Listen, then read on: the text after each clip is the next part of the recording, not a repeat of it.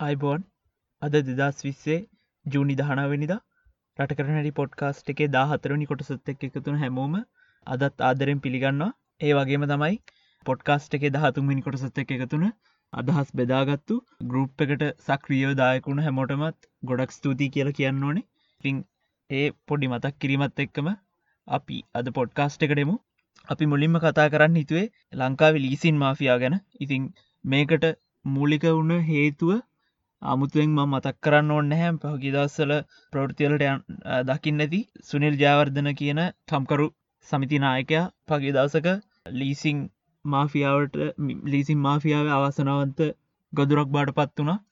ඒ මහත්මයට නිවන්සව ප්‍රාර්ථනා කරන ගමන් අද කතා කරන්න හිතුවා. ඔහු මේ රටේ ත්‍රීවීල් කාරය වෙනුවෙන් මහන්සේලා හම්බ කරන පොඩි මනුස්සය වෙනුවෙන් එයා කරන්න හදපු සාහය ගැන පොඩ්ඩක් කතා කරන්න. ඉතින් ඒක හන්ද තමයි අද පොඩ්කාස්ට එක පලනි කොටසෙන් අපි මේ ලීසින් මාෆියා ගැන කතා කරන්න හිතුවේ.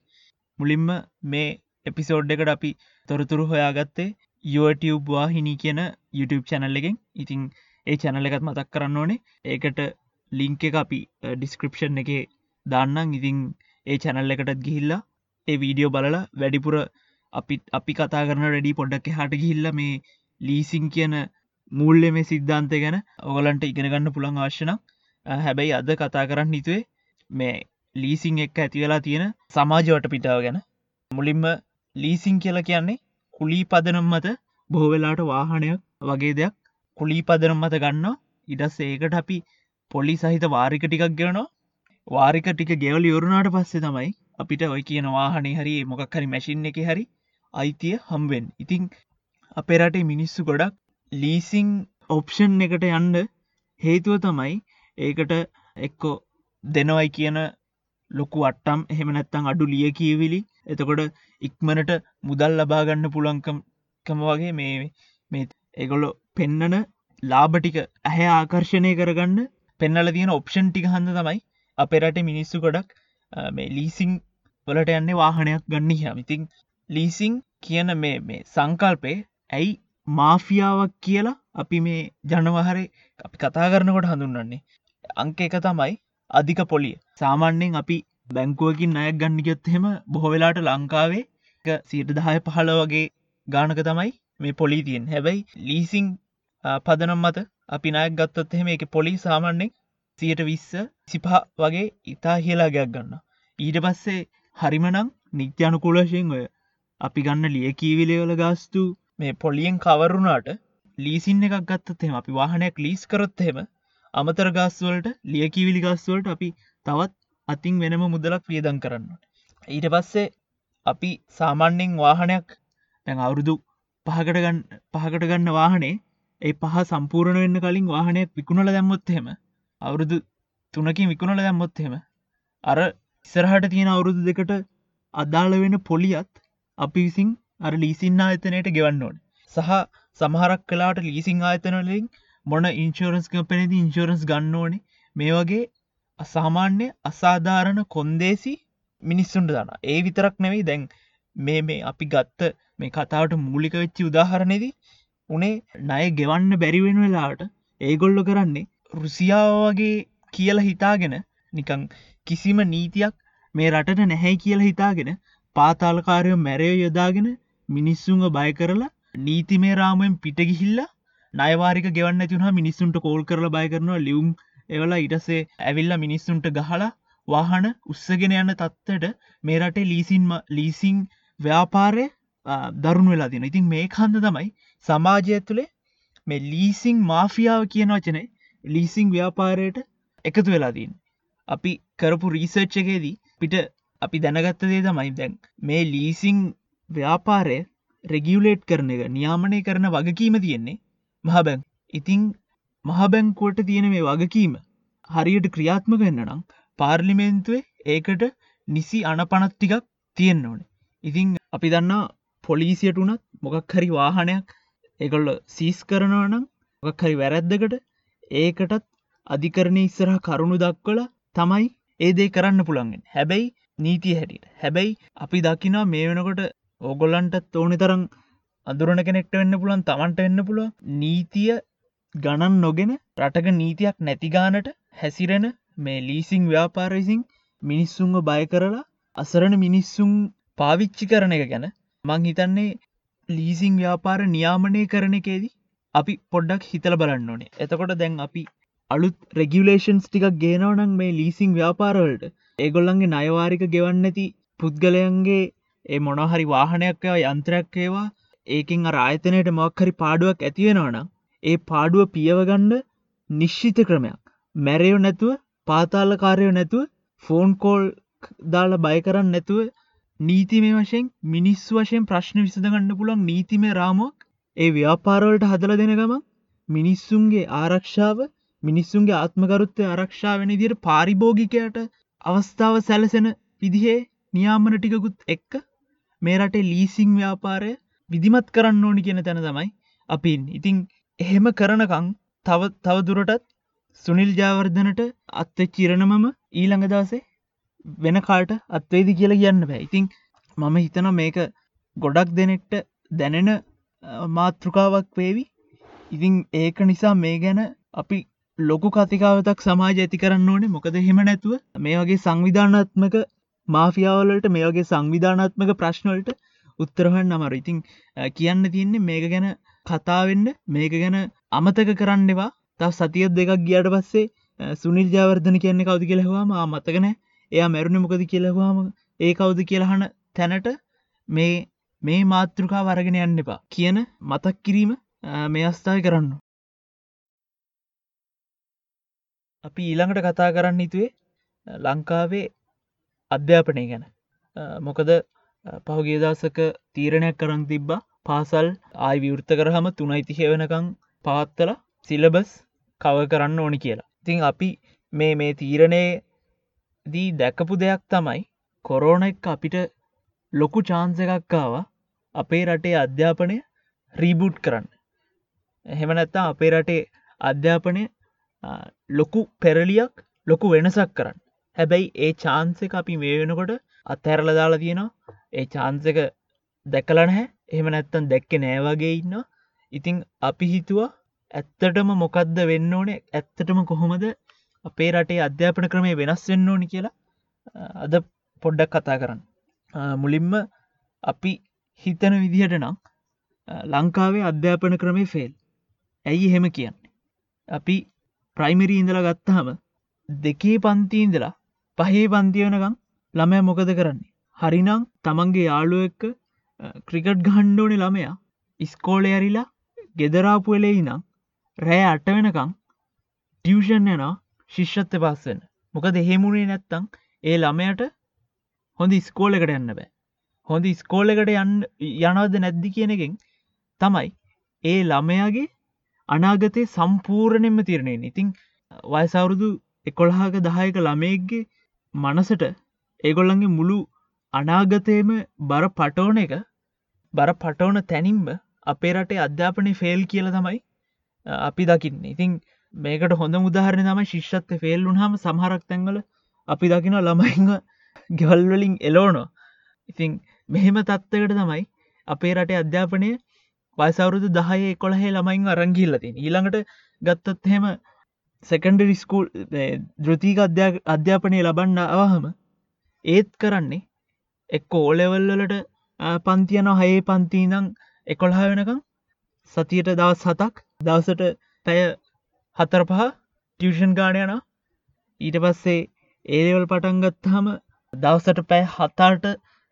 පන්ති තියෙන වෙලාවල් තියෙනවා. පන්ති හයකට හතකට යන්න ළමයින්න ඉතිං මෙහෙම කරලා මෙච්චර මුදලක් මෙච්චර කාලයක් අපේ අධ්‍යාපනය වෙනුවෙන් වියදං කරලා අන්තිමට මේ අධ්‍යාපන ක්‍රමයෙන් එලියට දාන්නේ මොනවගේ ළමයිද? පොඩ්ඩ හිතල බලන්න දැන් අපේ රටේ කොච්චර නව නිර්මාණ බියනද ඔච්චර අමාරු එක්සෑම් එකක් කරලා ඒලෙවල් වලින් පස්සේ කැම්පස් යන ළමයින්ගෙන් කී දෙනෙක් අලුත් රිසර්ච්චලට අලුත් රිසර්ච් එකක් ලංකා වෙතුළි කරනද අලුත් කැම්පස් එකෙන් එලියට විල්ලා අලුත් බිස්නස් වෙංච එකක් පටන්ගන්න කීදනෙට අවස්ථාව හැකියාව ඒ ස්කිල්ස් ටික අපේරට අධ්‍යාපන ක්‍රමෙන් දීල තියෙනවාද කියලා අපි හල බලන්න ඉතින් මෙතැන්දී අපිට මං හිතන්නේ හැමෝටම පැහැදිලියෙන ඇති. අපේ රටේ අධ්‍යාපන ක්‍රමේ ෆෙල් එහෙමනම් අපි මේ වෙලාවෙ කරන්න ඕනේ අධ්‍යාපනය අධ්‍යාපන ප්‍රතිපත්ති අලුතෙන් සකස් කරන්න කමිඩුවක් පත් කරලා තියෙන වෙලාවක අපි බලන්න ඕනෙ කොහොමද අපේ රටේ අධ්‍යාපනය අලුතෙන් රීබුට් කරන්න එක ඉතිං අපිත් පොඩ්ඩක් හිතල බැලුව. මේ ලෝකෙ දිහැ බලලා කොතනද හොඳ අධ්‍යාපන ක්‍රමයක් තියෙන්නේ? කොහොමද අපි ඒ ඒ සිිස්ටම්වල තියෙන හොඳ දේවල් අපේ රටට ආරෝපනය කරගන්න එක ඉතිං මේ අපේ රිසර්ච්චකේද අපි කරුණු හොයද්ද අපිට අපි දැක්ක දෙයක් තමයි ෆින්ලන්ඩල අධ්‍යාපන ක්‍රමය. අනිත් රටල් එක්ක බලන්නකොට ගොඩක් ඉස්සරහින් තිබ්බේ. මේකට හේතුව පොඩ්ඩක් හොයල බලන්න හිතුව. හිතුව වගේම සාමාන්‍ය අධ්‍යාපන ක්‍රමයක් නෙවෙයි ෆින්ලන්ඩල තියෙන්නේ. හරිම වෙනස් එකන්නේ හරිම වෙනස් කියලා කිවට මේ මිලියන් ගණන් වියදංගෙන විසඳුම් නෙවෙයි බොහොම සරල පොඩි අපි හිතන්නවත් නැති සියුම් දේවල්ටිකත් තමයි ඒගොල්ල වෙනස් කරලදන්න ඉතිං ෆින්ලන්ඩොලත් මුලින්ම අනිවාර්ය අධ්‍යාපනය තියෙන්නේ මේ ප්‍රාථමික සහ දෘතික අධ්‍යාපනය විතරයි. හයේ පන්ති වයිසවරුදු හයින් පටන් අරගෙන වයිසවරුදු දාසය වෙනකං අනිවාර්යෙන් අධ්‍යාපනය ලබන්නවන් ඒකත් ප්‍රයිමරි සෙකන්ඩරි ඊට පස්සේ වයිසවරුදු දාසයෙන් පස්සේ ඒගොල්ලන්ට පාත්වෙස් දෙකත් තියෙනවා. අංක එක සාමාන්‍ය උපාදි ඒගැන්නේ මේනකොට ලංකා විශ්වවිද්‍යාල තියන ඒ විශ්වවිද්‍යාලකින් දෙන උපාදිය වගේ උපාදියක් ගන්න පුළොන් කලාවේවා බිස්නස් මැත් සයින්ස් මේ ඕන මංශකි ඊට පස්සේ අනිත් එක තමයි වොකේෂනල් වොකේෂනල් කියල කියන්නේ ජොබ් රෙඩී කොලිෆිකේන්ස් ඒ කියලගන් ජොබ් රෙඩි කොලිෆිකේන්ස් කියල කියන්නේ දැල් ලංකාව තියන්න එන්වQ පාටමාලාව කියලා. ෆින්ලන්ඩල වෙනස තියෙන්නේ වයිසවුරුදු දාසයෙන් පස්සේ අර ළමයට වොකේෂනල් එඩියුකේෂන් එකයි ඇකඩමික් එඩියුකේෂන් එකයි. ගැන ඩිග්‍රියකට යන්න තියෙන අධ්‍යාපනයයි එක සමාන්තර ඒ දෙකට තියෙන අවසානය තියෙන පිළිගැනීම දෙකට ජොබ්මාකට්ට එක තියෙන වැලිුව එක සමාන ඒ වගේම තමයි එතනින් එහාට ගහම ෆින්ලන්ඩල ප්‍රයිවට් ස්කූල් නැත්තරම නැති තරම්. රාජ්‍ය පාසල්ලට සහ ප්‍රයිවට් ප්‍රයිවට් ස්කූල් දෙකටම දෙමවපියන්ගේ මුදල්ලාය කරන්න තහනම් ඒ වගේම තමයි හැම පාසලටම හම්බෙන්නේ එකම මුදල් ප්‍රමාණය රජයෙන් වෙන් කරන්නේ එකම මුදලක්. ඉතින් මේ මුදලත් එක්ක හැම ස්කෝලකම තියෙන පහසුකම් ටික එක සමානයන එතකොට ඒ වගේම තමයි ෆින්ලන්ඩල ස්ටන්ඩඩයිස් ටෙස්ට් කියල දෙයක් නෑ දැන් අපි තුනේ පන්තිීඳලම වාර විභාගට ලියනවා. අවුරුද්ධර තුම් පාර ඉට පස්සේ ශිෂ්ෂත්තර ලියනවා. ඉට පස්සේ ආයත් ඒලෙවල් ඕලෙවල් පන්ති දෙකේදීම වාර විභාග තියෙනවා. ඕලෙවල් ඒලෙල් විභාග තියෙනවා. මේ විදිහට මේ ළමයි අත්තරේ තරගයක් ඇති කරලා ඉස්කෝල අතරේ තරගයක් ඇති කරලා තියෙන අධ්‍යාපන ක්‍රමයක් තමයි ලංකාව මේ වෙනකොට තියෙන ලංකා විතරක් නෙවෙයි ලෝකෙ ගොඩක් රටල්ල තින් හැබැයි ෆින්ලන්් දිහ බැලුහම ෆින්ලන්ඩල ළමෙක්ට තරංග විභාග කියල තියෙන්නේ එකම එක විභාගය ඒ විභාගෙන් තමයි කැම්පස් එකට ළමෙක් ඇතුළත් කරන්න. හැබැයි එහෙමුණයි කියලා උපාධිධාරීන්ගේ අඩුවක් ෆින්ලන්ඩල නැහැ. සියට පණහකට අසන්න උපාධිධාරීන් ප්‍රමාණයක්. සමස්ත විසි එකයි විසි හතර ඇතරේ ඒ වයස් කාණ්ඩෙන් සියට පණහකටම උපාධයක් හරි ඒහා සමාන වෘතිමය සුදුසුකමක් හරි තියෙන ඉතිං ඒ වගේම තමයි අය පාසල් අධ්‍යාපන ක්‍රමේ දිහ දිහාවට ගියොත් එහෙම ෆින්ලන්් අධ්‍යාපන ක්‍රමේ ක්‍රියාත්ම වෙන්නේ රජය විසින් විෂය නිර්දේශයක් නිකුත් කරන ඒ ඒ විෂයට. ඊට පස්සේ පාසලේ ගුරුවරුන්ට සම්පූරණ අයිතිය තියෙනවා. ඒගොල්ලන්ට සුදුසු ඒ ළම්මයාට සුදුසුයි කියලා හිතන විදිහට අවශ්‍ය පහසුකම් ටික අවශ්‍ය ෆැසිලිටිස් ටික ඔක්කොම පාවිච්චි කරලා අර විශේනීති දේශය දීලා තියෙන ගයිඩ්ලයින් ටික සම්පූර්ණ කරන්න. එතකොට මෙතෙන්දි අපි නිතරම දැකපු දෙයක් තමයි මේ ඒගොල්ලන්ගේ ෆිලොසොෆිය එක ඒගොල්ලන්ගේ දර්ශනය වෙන්නේ මොනවද ඉගෙනගන්න කියනකට වැඩිය කොහොම දිගෙනගන්න කියන එක ළමයින්ටු ගන්නන්න ඕනික ඒගැන්නේ සිලබස් එකක් කවර් කරනවට වැඩිය දෙන යම්කිසි කුසලතා මට්ටමක් මොනොහරි අපි උදාහරණයක් හැටියට ගත්තොත් දැන් අපි කිව් ඕලෙවල් ඉවර වෙනකොට විද්‍යා විෂයෙන් නම් නිවටන්ගේ දෙවනි නියමය ඇප්ලයි කරන්න ඉගෙන ගන්න ඕන. කියන ගයිඩ්ලයින් එක ගවමන්ට එකෙන් දෙනවනම් එතෙන්ට යන විදිහ තීරණය කරන්නේ අර ගුරුවරු. එතකොට ගුරුවරු ළමයට ගන්නන්න නැහැ.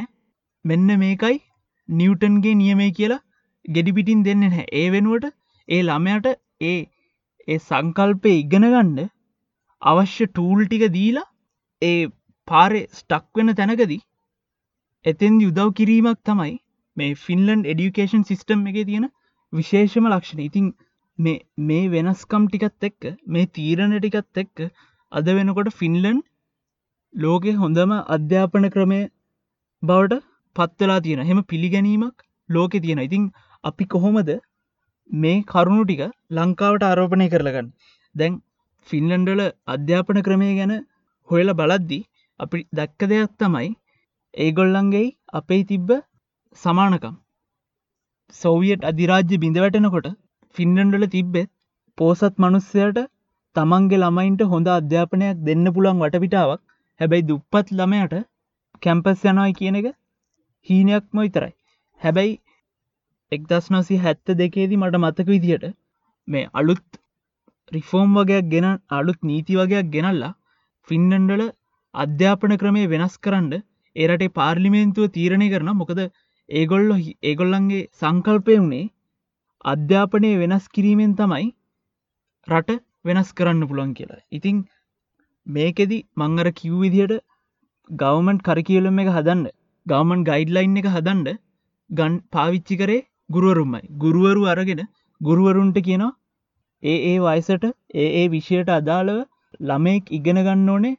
අවම කුසලතා ළමෙක් වර්ධනය කරගන්න ඕනේ. අවම කුසලතා ටික මොනාද කියලා සරල ගයිඩ්ලයින් එකක් හදෙන ඊට පස්සේ ප්‍රාදේශය සභාවට සහ ඉස්කෝලට සහ ගුරුවරුන්ට බලයක් දෙනවා. ඒ ගයිඩ්ලයින් එකට එ කුසලතා මට්ටමට ළමයා කොහොමද ළඟාවෙන්න කියලා තීරණය කරන්න. එතෙන්දි ගුරුවරු තමයි තීරණය කරන්නේ. එහෙම නැත්තං ප්‍රින්සිපල් ඒත් එක්කම ප්‍රාදේශී සභාව තමයි තීරණය කරන්නේ. කොහොමද ඒගොල්ලන්ට ලැබිල තියෙන මුදල් ප්‍රමාණ ඇතුළද අර ළමයට අර කුසලතාටික අර දැනුම ඉගෙනගන්න වටපිටාවක් හදන්න කියල්. ඒ වගේම තමයි ෆින්ලන්ඩල ගුරුවරෙක් වෙන්න නම් අනිවාර්යෙන්ම මාස්ටර්ස් ඩිග්‍ර එකක් තියෙන්න්නු ඉතිං අපි දැකපු මේකට බලපු ඩොකිමෙන්ට්‍රී සැම එකකම තිබ්බ දෙයක් තමයි රටේ අධ්‍යාපන ක්‍රමේ වෙනස් කරනවා නම් ඒක පටන්ගන්න ඕනේ ගුරුවරයගෙන් කියලා ඉතිං මේක දැක්කහම සරල කාරණයක් කියලා හිතුනට ෆින්ලන්ඩල කරලා තියන්නේ. මංගර කිව්ව වගේ හැම ගුරුවරටම මාස්ටර්ස් ඩිග්‍රිය එකක් ගන්න එක අනිවාර්ය කරන මෙතැන්දි වෙලා තියෙන්නේ වෘතියට තියෙන ගෞරවය සහ ඒ ගුරුවරයාගේ තියෙන හැකියාවල් ටික ඉතාමත් විශිෂ්ටයි. ඒක සමාජය ඇතුළේ පිළිගන්න රැකියාවක් වෙනවත් එක්කම අර ගුරුවරුන්ට ඒ පිළිගැනීමත් එක්ක ගුරුවරුන්ට පුළුවන් වෙනවා. ළමයි කොහොමද? අර කියන ගවමන්ට එකෙන් දෙන කරකිවුලම් එක ඉගෙන ගන්න ඕනි කියලා තීරණය කරන්න. මේ පුංචි වෙනස්කම් ටික අපේ රටටත් එකතු කරගත්තොත් මං හිතන්නේ එතෙන්දි අපිට සතුටින් ඉන්න ළමයි හොඳ දැනුමක් තියෙන අනාගත පරපුරක් දකින්න පුළුවන්වෙයි කියලා මෙන්න මෙතෙන්ට වැඩ කරන්න එකතු වෙන්න කතා කරන්න කියන ආරාධනවත් එක්ක අදට නවත්තනවා. බොහොම ස්තුතියි.